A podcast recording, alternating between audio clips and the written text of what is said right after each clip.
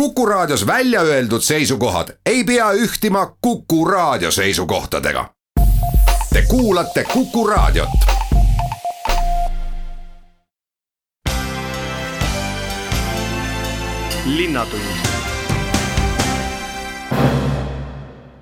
tere päevast, head Kuku raadio kuulajad ja tere kuulama Kuku Linnatunni saadet. mina olen tänane saatejuht Rein Pärn sellel nädalavahetusel laupäeval toimub Tallinnas suur kergejõustiku auhinnagala, kus kuulutatakse välja Euroopa aasta kergejõustiklased. see tähendab, et äh, nädalavahetusel on siin pealinnas äh, võimalik kohata äh, kõiki neid suuri tähti, kes ka äsja lõppenud Doha kergejõustiku maailmameistrivõistlustel ilusaid medaleid võitsid ja, ja vahvaid etteasteid tegid.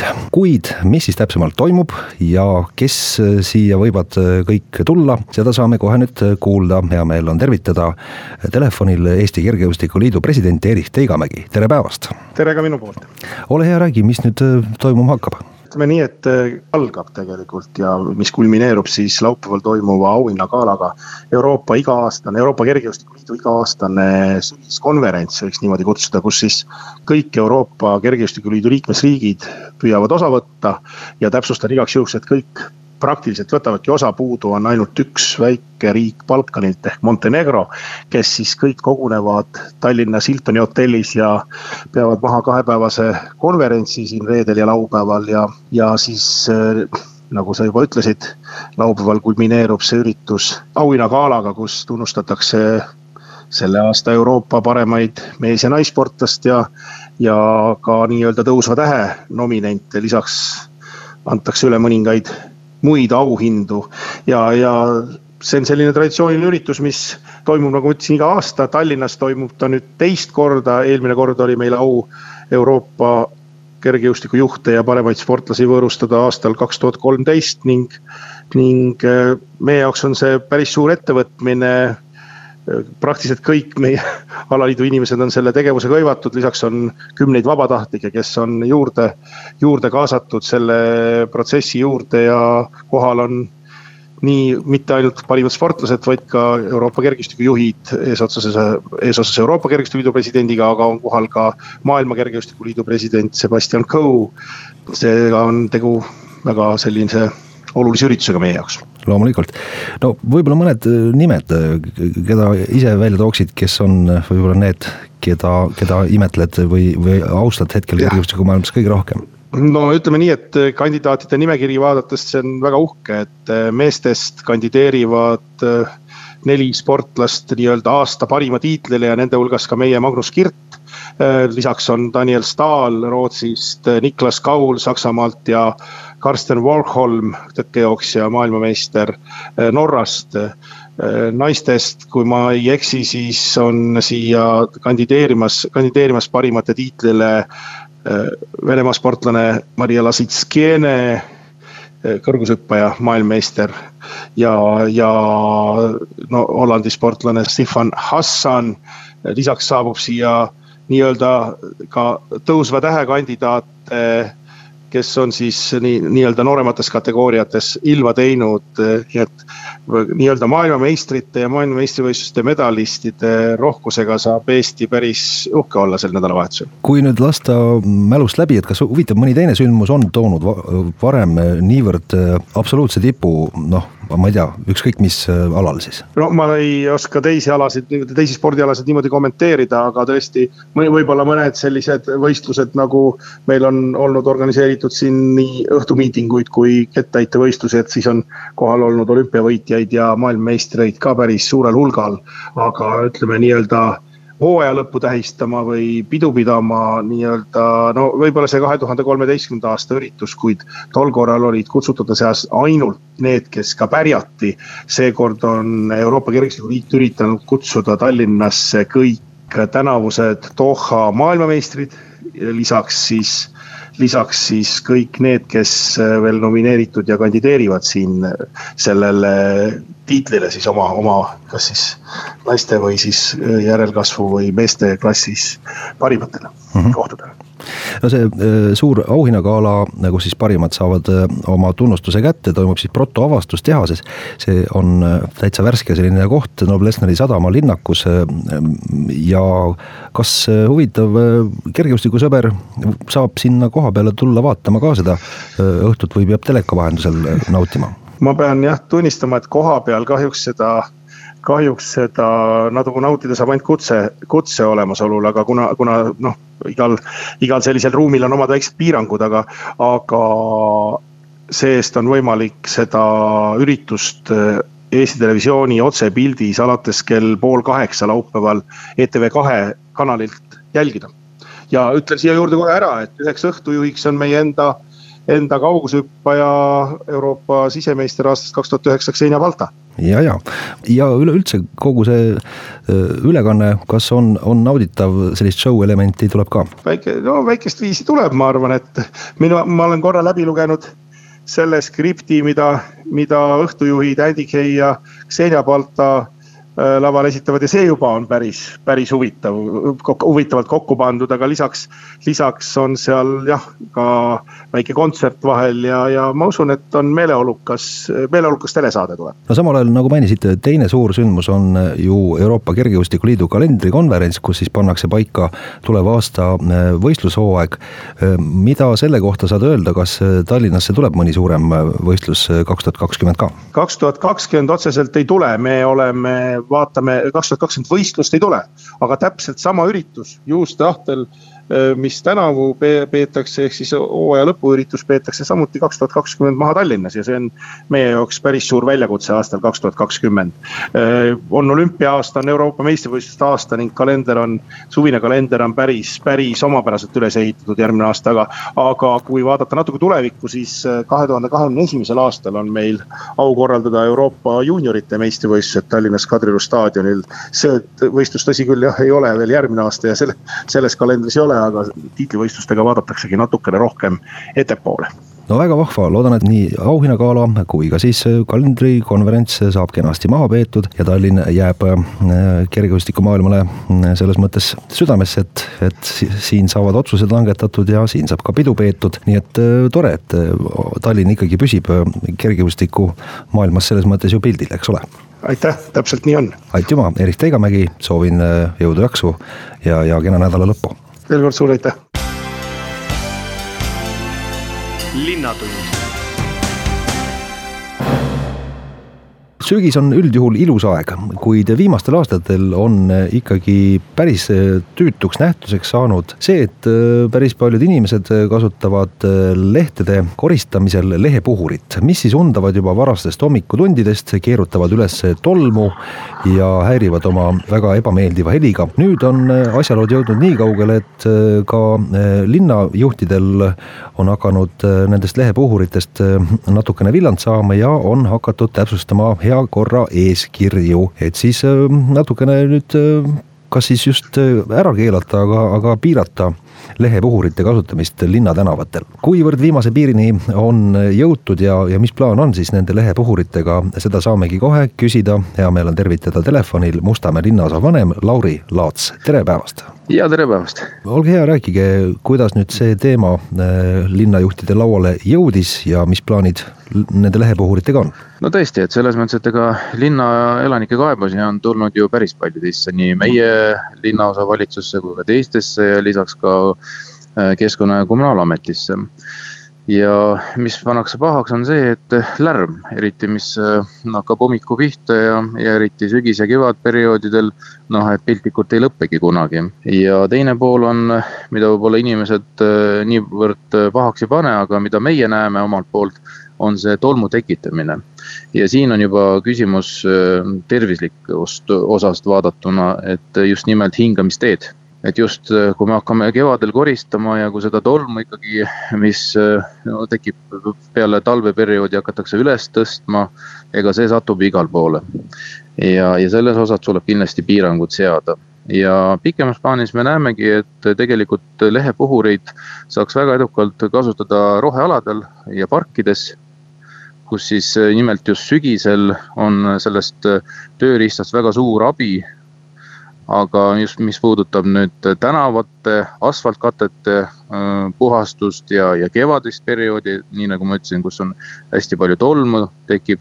siis me kindlasti näeme, et äh, võiks muid vahendeid kasutada, kui siis äh, puhur. näiteks nagu rehad ja luuad. noh, needsamad jah, head tööriistad nagu rehad ja luuad, millega on ju pidevalt ka koristatud. no ja lisaks ka sellele Äh, mis puudutab näiteks äh, linnaosa partnereid heakorratööde osas, siis nemad ju kasutavad äh, spetsmasinaid, mis siis har noh, harjavad teid ja siis toimub koos nii-öelda veega, mis ei, peaks olema tolmuvaba. siis, et kindlasti me näeme, et neid masinaid peaks rohkem kasutama, kui siis lihtsalt nii-öelda tolmupuhuriga kevadel on tolmupuhur, võib nimetada, mitte lehepuhuriks. et lihtsalt siis tee pealt selle tolmu äh, edasi äh, puhuda haljasalal, et see ei ole kindlasti hea lahendus. no te olete ise püüdnud ütleme siis hea ja kavalusega nende lehepuhurite kasutamisele piirangud peale panna, et äh, kutsusite Facebookis üles, et kui lehepuhuritest loobuda, et siis äh, kingite ühe hea ja, ja tugeva luua, et kui palju luudasid olete saanud juba laiali jagada no tõesti, et ma lähenesin sellele küsimusele läbi huumoriprisma ja, ja et ma arvan, et tänu sellele eh, sai ka nii-öelda mõnigi teada, et, et mis tegelikult probleemid eh, lehepuhuritega kaasnevad. ja mul on hea meel, et see selline noh, eh, laiemas ühiskonnas on ka leidnud see küsimus arutelu juba. ma tean, hästi palju mulle ju kirjutatakse, helistatakse, kes ütleb, et, et linn teeb nüüd õiget asja neid on nagu rohkem, kes on helistanud. see, kes on ka vastased, et noh, et lehe puhul peaks ka jääma, ka nendelt oleme kõnesid saanud. aga igal juhul on hea, et selline diskussioon on alguse saanud, nii et on nii-öelda kuskilt edasi minna, millest lähtuda ja siis teha ka neid õigeid otsuseid kuuldavasti ka Tallinna nüüd Keskkonna- ja Kommunaalamet mm, plaanib seda linna heakorra eeskirja täpsustada just nende lehepuhurite osas, et mis on teile kõrvu jäänud, kuidas see lehepuhurite teema sinna sisse saab pandud ja mis piirangud või, või mis load hakkavad lehepuhuritele kehtima? ja tõesti, et ma ise ka osalen selles töörühmas ja selle heakorra eeskirja väljatöötamise töörühmas ja praeguseks on selline sõnastus, et me näeme, et lehepuhur äh, saab kasutada siis sügisperioodil, siis kui tolmu ei ole. ja just nimelt äh, haljasaladel või ka parkides, just nimelt lehe nii-öelda äh, langenud lehtede koristuse osas. kas ta nüüd jääb ka lõppversioonis sellisena, on nagu raske veel öelda, sellepärast arutelu veel käib ja hea meel, et äh, ka nii-öelda Tallinna linna elanikud on selle arutelule kaasatud. ja, ja ma arvan, et koostöös me saame ka lõpliku arvamuse ka kujundatud. jah, ja täpsustamist vajab siis see haljasala mõiste, et kus siis võib lehepuhurit kasutada, kus siis mitte, et kas noh, meetri laiune mururiba on juba haljasala või siis mitte, et mis teie arvate? noh, eks need küsimused tulebki neil koostöös kõik ära lahendada ja et praeguses mõistes ta on kindlasti, on rohealana kirjas. aga kas ta nagu ka edaspidi, see just nimelt eh, meetrine jupp eh, kõnnitee ja sõidutee vahel, kas ta ikkagi äh, jääb selliseks või mitte, seda näitavad ju sellised töökomisjoni siis arutelud ja ja inimeste arvamust. ja siis, äh, kui see kord ükskord tulevikus paika saab, et siis äh, peaks hakkama kontrollima äh, munitsipaalpolitsei, et kas ka korrast kinni peetakse, et kas munitsipaalpolitsei põhimõtteliselt on valmis veel ühe lisakohustuse omale võtma ja, ja ka lehepuhurite kasutamist kontrollima hakkama? noh, munitsipaalpolitsei tegelikult ju kogu aeg jälgib heakorra tööde üle ja, ja, ja ma arvan, et ega tal nendele, sellele ametile väga suurt töökoormust juurde küll ei tule. sellepärast ega ka ta, täna tavapärane töökorraldus näeb ette ikkagi äh, jälgida heakorra eeskirju, jäätmehoolduse eeskirju ja teisigi eeskirju, mis on linnas kehtestatud.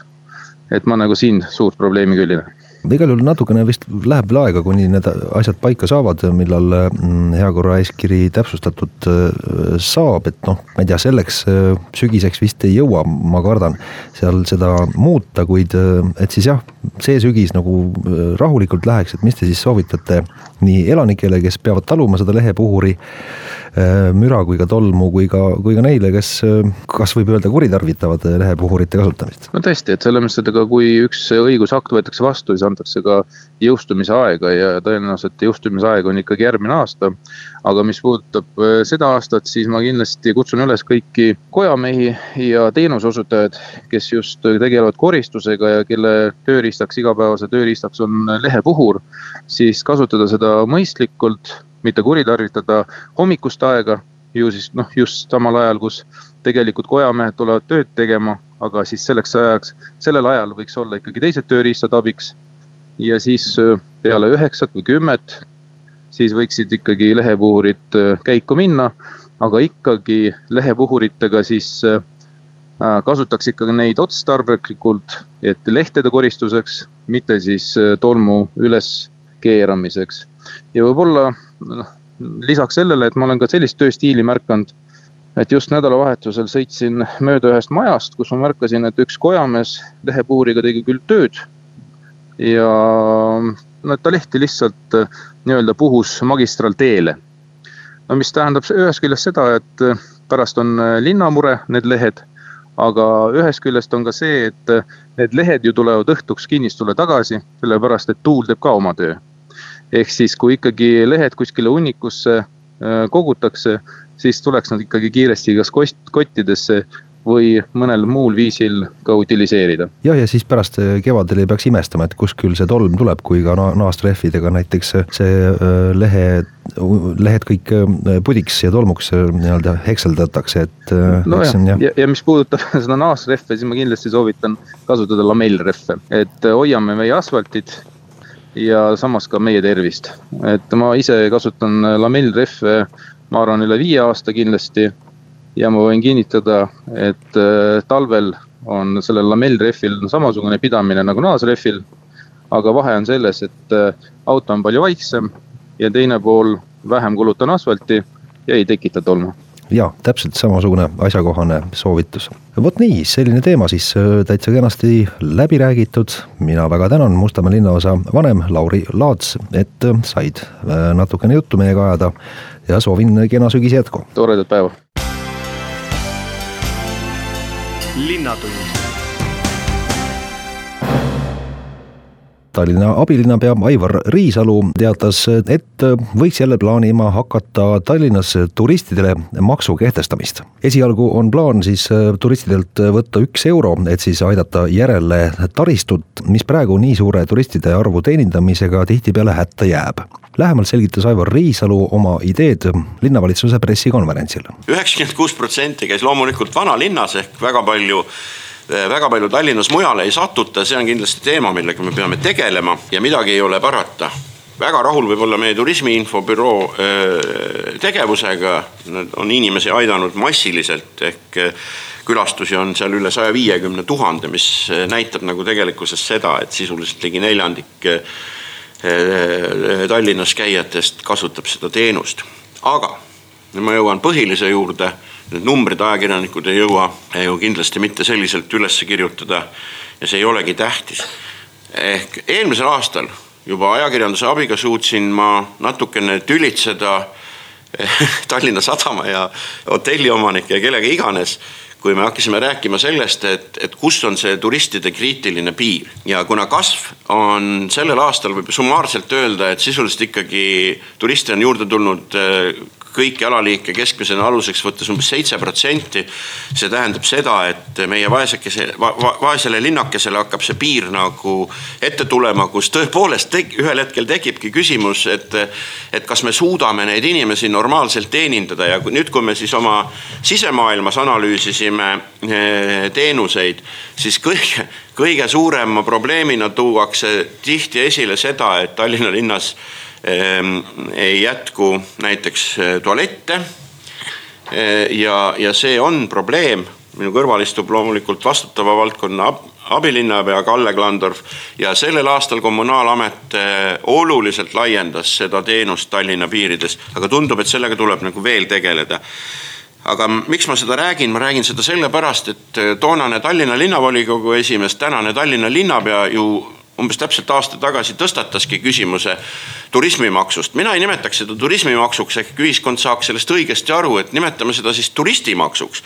aga ma olen äh, sellel meelel, et täna on meil ikkagi ilmselt aeg küps, et me äh, asjaomast Äh, huvigruppidega, siin hotellide, restoranide liiduga, äh, turismifirmadega peaksime ikkagi sügavalt arutlema selle üle, et kas turistimaksu kehtestamine ja siis paludes riigil sellist äh, maksu kohalikul omavalitsusel lubada.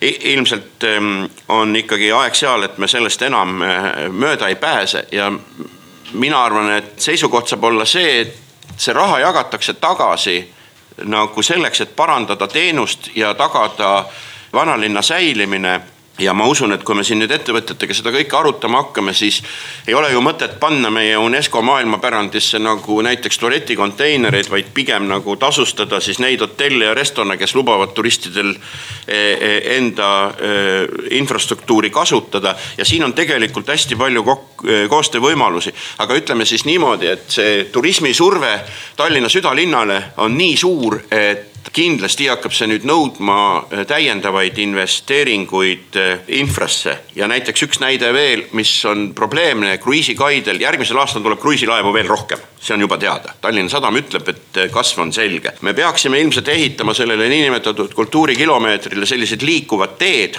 et inimesed saaksid kergema vaevaga liikuda sadamast vanalinna piirkonda jala, et busside osakaal väga palju ei tõuseks, sest sellel aastal me saavutasime läbi ime selle, et eh, kuna reidide ehitus küll mõnevõrra segas, aga tegelikult busside parkimise probleemi sellel aastal teravalt ei kerkinud üles ja need parkimiskohad, mis meil olid neile välja mõeldud, pahatihti seisid isegi tühjad. selle tõttu ma arvan, et eh, turistide osa või parandan, turistide arvu suurenedes me peame mõtlema alternatiivsetele liikumisvõimalustele. kuni selleni välja, et võib-olla Tallinna kõige massiivsem tõukerattalaenutus peaks olemagi kuskil seal sadama väravas ja nii edasi ja nii edasi, et need on asjad, millega me peame tegelema. aga ütleme siis nii, et eh, turism on Eesti jaoks olnud läbi aastate, kui mitte kõige suurem ärisuund Eh, noh, kasvõi skp mõttes, aga Tallinna jaoks kindlasti ääretult tähtis ärisuund ja, ja selle tõttu meie roll on ikkagi seda olukorda ühest küljest hoida kontrolli all, teisest küljest olla valmis selleks, et me ei peaks kellelegi ütlema, et ei ole siia oodatud. Eh, ja me peame rakendama neid abinõusid, mis võimaldavad siin rohkem inimesi vastu võtta ja noh, nagu ma juba ütlesin, siin üks, üks võimalus on see, et leida siis selleks ka täiendavat ressurssi. ja ma rõhutan, ehk me kommunikeeriksime seda kõike õigesti, et see ei ole selline kohalik maks, mis puudutaks paikseid elanikke, vaid pigem looks olukorra, et meie külalised näeksid, et meie linn on korras, puhas, ilus ja neil on siin tore olla. ja siis ka oma inimesed, kes sinna turistide hordide vahele ennast kiiluvad, näevad, et linn hoolib Tallinna linna eh, juhtkonna tänane seisukoht on see, et kõikvõimalikud eh, maksumuudatused peavad olema eh, huvigruppidega läbi arutatud ja, ja kehtestatud kindlalt piisava etteteatamise ajaga seda enam ma juhin tähelepanu, et turism, turistimaks või turismimaks ei ole kohaliku omavalitsuse poolt täna kehtestada võimalik. selleks tuleks muuta riigiseadust ehk sellise maksu saab kehtestada tegelikult Eesti Vabariigi parlament ehk seadusandja. selle tõttu eh, ma arvan, et siin kiireid lahendusi ei ole, aga, aga miks ma seda täna ära markeerisin, on see et, et me ilmselt, eh, me alustame lähiaegadel kõigepealt arutelusid huvigruppidega ja, ja ma olen üsna veendunud selles, et kui me seda kõike nagu koos analüüsime ja siis koos ka võib-olla parlamendi poole pöördume, et seda teha. äärmisel juhul see võiks jõustuda kakskümmend üks, aga mitte mingil juhul kakskümmend kakskümmend eh, probleem on lihtsalt selles, et ega meie huvi ei ole ka lõppude lõpuks eh, mingisuguseid eh, makse kehtestada. meie huvi on see, et me säilitaksime oma linnaruumi ja uskuge mind, ehk, ehk see tegelikult see surve on ikkagi väga suur ehk eh, kümme tuhat inimest Tallinna vanalinnas päevas tekitab olukorra, kus kohalikul inimesel sinna enam asja ei ole. lisaks sellele tekitab see olukorra, kus Eh, kus tegelikult on noh, ütleme, miks ma seda tean, arvake ära, mis küsimus oli Turismi Infokeskuses saja viiekümne tuhande circa külastaja kõige põhilisem küsimus. mitte, mitte see, kust teil Tallinnas midagi vaadata saab, kus pissile saaks minna. ehk tegelikult see olukord ei ole normaalne, aga me ei saa panna vanalinna konteinereid ega me oleme väga palju pingutanud selle nimel. ehk, ehk tegelikult eh, vanalinnas elas, kui ta välja ehitati, võib-olla seitse tuhat inimest täna elab seal neli tuhat inimest pluss eh, viis, kuus, seitse kuni kümme tuhat inimest päevas sinna otsa. ehk, ehk eh, selle korras hoidmiseks on vaja ressurssi ja selle teenuse tagamiseks on vaja ressurssi. Ja mina leian, et eh, see ressurss võiks tulla nende inimeste taskust, see ei ole ju mingisugune mingisugune ülemõistuse number, me igal pool maailmas ringi liikudes tõdeme seda, et maksad hotelliarvet on sul sinna juurde kirjutatud üks täiendav rida, mingi üks euro näiteks. ja, ja, ja, ja selles mõttes see ei ole meie poolt pahatahtlikkus, vaid see on pigem nagu ühine mure sellest, et me suudaksime teenindada järjest kasvavat turistide voogu Eh, kvaliteetselt, sest tagasiside kasvõi näiteks nende samade kruiisiinimeste puhul. kümnest üheksa ütlevad, et nad on rahul, mis nad siin nägid ja tuleks kindlasti tagasi ja tuleks tagasi juba pikale reisile. ehk, ehk saage aru, see ei ole meie norimine, aga see on üks debati koht, kus me tegelikult eh, proovime iseenda vara säilitada ja, ja, ja sellega me kahjuks ei peaks oma rahaga tegelema, vaid seda võiks kinni maksta need, kes seda naudivad. ma arvan, et üks euro näiteks. ümmargune. ümmargune number, üks euro, sümboolne, keegi ei pane isegi, siis ei ole keskmine majutushind näiteks enam mitte viiskümmend kaks eurot, vaid on viiskümmend kolm. kruiisifirmad, kes tegelikult jätavad majandusse praegu ütleme hinnanguliselt umbes kaheksakümmend eurot iga kruiisiturist, jätab kaheksakümmend üks või kaheksakümmend ja pool.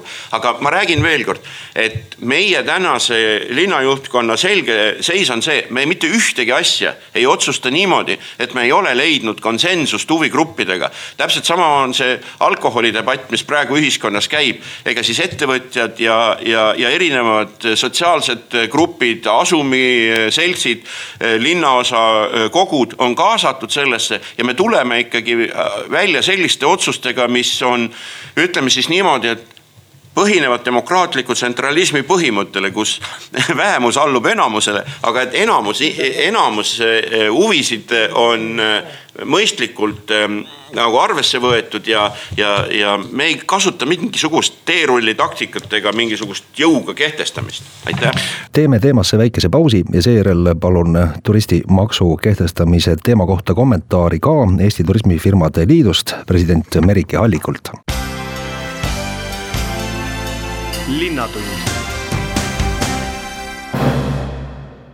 abilinnapea Aivar Riisalu äh, käis äh, äsja äh, pressikonverentsil välja taaskord mõtte, et võiks Tallinnas kehtestada turistimaksu. umbkaudu võiks see olla üks euro, kuna jah, on eriti vanalinnas jõudnud turistide arv kriitilise piirini, sest infrastruktuur ei jõua sellist suurt hulka turiste ära teenindada. mida sellest turistimaksust siis arvata, kas see on hea idee, mm, seda saame kohe küsida, meil on telefonil hea meel tervitada Eesti Turismifirmade Liidu president Piret Merike Hallik, tere päevast! tere päevast! küsimus on jah, taas päevakorrale tõusnud ja eks kipubki niiviisi olema, et kui on hooaeg läbi ja numbrid kokku võetakse, et siis need numbrid tekitavad ka mingeid emotsioone. täiesti teadlik sellest, et äh, nii Tallinna lennujaam kui Tallinna Sadam üritab kogu aeg oma reisijate arvu ju tõsta. teeb kõik selleks, et järjest rohkem turiste tuleks Eestisse Äh, samas jälle teame ka seda, et ega Tallinna linn on ikkagi Tallinna linn, ega ta ei suurene ja ja vanalinn hoopiski, eks, et me ei saa nagu vanalinna suuremaks ehitada, et kõik need turistid sinna ära mahuksid. samas äh, ei ole turismisektor Eestis äh, väga hooldanud turismimaksu või siis nagu ma nüüd teie jutust aru sain, räägitakse turistimaksust et üks asi on turismimaks või turistimaks. et äh, kui me räägime turistimaksust, siis see peaks justkui tähendama, et me hakkame maksustama turisti tekiks nagu küsimus, et kes need turistid on, keda me maksustame. ei ole mingit analüüsi selles osas tehtud, keda maksustada, missuguses summas, mille eest ja nii edasi. ehk turistimaks võiks siis olla see, et iga turist, kes Tallinnasse tuleb, pole vahet, kas ta on saabunud Tallinnasse lennukiga, kruiisilaevaga, autoga üle Narva piiri. ta on turist ja teda tuleb maksustada ja ma ütleks, et ta on ise ka ära märkinud selle, et meile turismi nagu sektorite, turismisektori liitudele on väga selgelt lubatud linnapea poolt, et seda teemat, enne kui seda hakatakse üldse kuhugi otsustama või ots, mingeid otsuseid tegema, arutatakse, analüüsitakse väga põhjalikult asjaomastega. no tänasel päeval ei ole me veel kutset laua taha saanud et ma ei oska isegi öelda, et kas me saame või mitte, aga me oleme küll härra Kõlvartiga sellel teemal korduvalt rääkinud ja ka toonud välja äh, ana-, analüüsid, põhjendanud, miks see ei pruugi olla üldsegi mitte kasulik. Äh, sest et teadupärast Eesti ei ole nüüd maailmas selline koht, kuhu iga inimene iga hinna eest minna tahab. ja meil on siiski ikkagi hooaeg, et talvel pole meil ühtegi turisti ja, ja suvel on neid jär, järsku korraga liiga palju. et kas meil ei ole siiski tegemist üldse olukorraga, kus äh, me ei oska manageerida oma turismi või turiste, kes Tallinnasse saabuvad. et kas me nagu oleme kunagigi linna, sadama, lennujaama, eh, eriti just sadama, kuna nendel on siis eh, kruiisid, eh, kunagi arutanud, et kuidasmoodi teha selline turistide vastuvõtt, mis ei häiriks näiteks ma ei tea, vanalinna poode, vanalinna elanikke ja nii edasi, kuigi poed on ju eluliselt huvitatud sellest, et turistid seal käiksid, eks. et äh, tegelikult meil, me ei ole kunagi seda arutanud. Äh, kui väga paljud riigid nimetavad turistide üleküllust, inglise keeles sõnaga over tourism nagu üle, eks ju, turism, siis äh, on ka väga paljudel riikidel hoopis selline arusaam, et tegemist on mitte manageeritud turismiga. ehk et seda lihtsalt riik või linn, kus on tekkinud olukord ületurismiks, ei ole suutnud seda õieti manageerida. sest seda, selle vastu ma olen küll nagu ka isiklikult täiesti selgelt, meil ei ole liiga palju turiste. et me ikkagi Eesti riigina, kui terve aasta pildis Eestis vaadata, siis meil on ikka päris vähe turiste no, võrreldes äh, mõningate väiksemate äh, riikide või, või linnadega. kuhu see üks euro siis võiks minna, et äh, põhiline probleem on see, et ei ole turistidel võimalus avalikes tualettides käia, et, et selle ühe euroga saaks nagu avalikud tualetid paika panna ja, ja siis oleks turistil siin nagu mugavam käia. et kas sellise meetodi nagu turistimaksu läbi jah, sellist avalikku käimlate teemat peab lahendama? kindlasti igasugune infra, mis käib nagu turistide või võttu üldse turismi juurde äh, võiks olla ju ja ongi igasuguste maksudega äh, lahendatud. aga et äh, kas see nüüd on nagu WC-de küsimus, et seda ma, seda ma nagu praegu siin niiviisi otseselt öelda, öelda ei julge, sest tõepoolest ei ole käinud üle lugemas, palju vanalinnas on WC-sid, aga kui me räägime siin, et äh, WC-d on ainult turistide probleem, siis selles ma nüüd vaidleks küll vastu, sellepärast et minu arust äh, põhilised äh, nurgataguste pissuaarina kasutajad on meie kohalikud inimesed, kes võib-olla siis ka vajaksid WC-sid nii-öelda igapäevaselt vanalinnas käimiseks ehk äh, ma küll nagu turiste ei tahaks siin selles süüdistada, et, et nemad on siin meil vanalinna pilti rikkunud sellega, et neil pole pissile kuhugi minna. jällegi siit järgneb rida küsimusi, kas siis peaks kõigile näiteks Tallinnasse sisenejatele, ka siseturistidele kehtestama selle ühe eurose äh, maksu, sest ka ju nemad äh, kasutavad kõiki neid infrastruktuuri võimalusi, mis Tallinnas on ja mis hetkel ka puudu on ja mida tulevikus. väga õige küsimus ja väga tänuväärne probleemi tõstatus. sellepärast, et, et siin nagu tekibki selline küsimus, et kui tahetakse kehtestada äh, turismimaksu äh, näiteks äh, läbi hotellide Eestisse või Tallinnasse tulijatele, siis ei tasu ära unustada, et need inimesed on tulnud siia ja maksnud oma hotellide eest, millest riik saab oma maksud aga võib-olla me peaksime siis kehtestama tõepoolest ka kõikidele autoturistidele, kes tulevad Lätist, Soomest, äh, Venemaalt äh, juba piiri peal selle nii-öelda riiki sisenemise maksu, et ka nende CO2-d ja kõik muud asjad oleksid siis kaetud, sest et väga suures osas me üldse ei tea, mida nemad infrana kasutavad. et, et nemad on ju nagu iseenesest reisijad, turi-, kruiisituristid on tegelikult väga organiseeritud seltskond. see, et Tallinna linn ei ole ei ole jälle ilmselt kas ajapuudusel või mitte arusaamise puudusel tekitanud olukorda, kuidasmoodi oleks normaalne panna liikuma turistibussid. siis, kui meil näiteks tõesti kümme tuhat kruiisireisijat korraga on Tallinna sadamas. et see, see on nagu jälle teine küsimus, et seda nüüd nagu maksuga küll ei lahenda. et kuidasmoodi saaks turistibusside parkimist lahendada sellega, et, et võetakse turiste käest maksu. no ei ole nagu väga tark idee. Äh, samas jälle võib-olla peaks ka linnavalitsus käima vaatamas, et äh, mis seal meie merepuiesteel üldse toimub, et mis bussid need tegelikult seal pargivad, seal kohas, kus juhuslikult võiksid justkui parkida ainult kruiisireisijaid linna transportivad bussid. et meil on siin väga palju suuri küsimärke, ütlen ausalt. ja tõepoolest kõige küsi-, kõige suurem küsimärk on ikkagi see, kes on see turist, kellelt võetakse raha kui palju talt seda raha võetakse ja kuhu see raha lõpuks pannakse. Need on kolm väga olulist küsimust. ja loomulikult äh, on varem olnud äh, üks argument ka see, et äh, jah, võtame küll ühe euro turistilt, kes niikuinii keskmiselt jätab Tallinnasse kaheksakümmend eurot.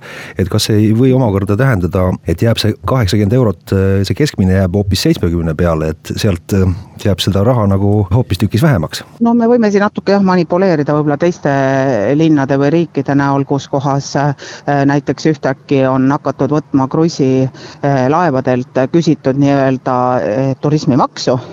on ta siis ükskõik üks euro või viiskümmend senti, vahet pole. Äh, mille peale kruiisilaevad on öelnud, et aga, et see on administreeriv töö, meie seda küll tegema ei hakka ja kui te ei taha, et me siia tuleme, siis me ei tule ehk et ehk väga selgelt eelmise aasta lõpus näiteks Amsterdami linn jäi äh, ikkagi sadadest tuhandetest ilma sellepärast, et äh, nad otsustasid turismi, kruiisilaevadele panna turismimaksu ja kruiisilaevad otsustasid, et neid ei huvita see ja sõitsid Rotterdami, kus maksu ei olnud. ja kliendid ehk siis kruiisireisijaid said oma, oma, oma äh, ekskursioonid ikka pisikesel Hollandi territooriumil tehtud. et, et noh, et millega me nagu, kas me tahame riskida sellega, et, et kruiisifirmad ütlevad, et aga Riia on ka meil siin lähedal, eks ju. Äh, või et, et oleme siis pikemalt Peterburis ja, või oleme siis äh, hoopis pikemalt Helsingis. et me võime siin manipuleerida nende asjade üle, aga kogu selle asja alus peaks olema siiski väga-väga korralik analüüs. Äh, me oleme ka linnavalitsusele andnud härra linnapea kaudu juba eelmisel aastal Euroopa Liidus tehtud analüüsi, mis on turismimaksu kohta Euroopa Liidu riikides tehtud ja selle analüüsi tulemus oli ikkagi negatiivne nendele riikidele, kus äh, maksud on kehtestatud, et oli negatiivne, et loomulikult me võime siin öelda, et, et noh, näiteks äh, Uus-Meremaa võib endale turismimaksu kehtestada või riiki sisenemise maksu, sest et äh, kes tahab Uus-Meremaale minna, läheb sinna nagunii. aga jälle ärgem unustame ära, et Eesti on lihtsalt ka üks täpp kaardil mida võib väga hästi asendada Lätiga või Leeduga või Ukrainaga. me lihtsalt võime olla olukorras, kus selle asemel, et midagi võita, me võidame võib-olla selle maksuga, aga kogusummas me kaotame. väga tänan Eesti Turismifirmade Liidu president Merike Hallik selle kommentaari eest, jääme siis ootama, kuidas see teema edasi areneb, seniks kõike toredat. aitäh. linnatund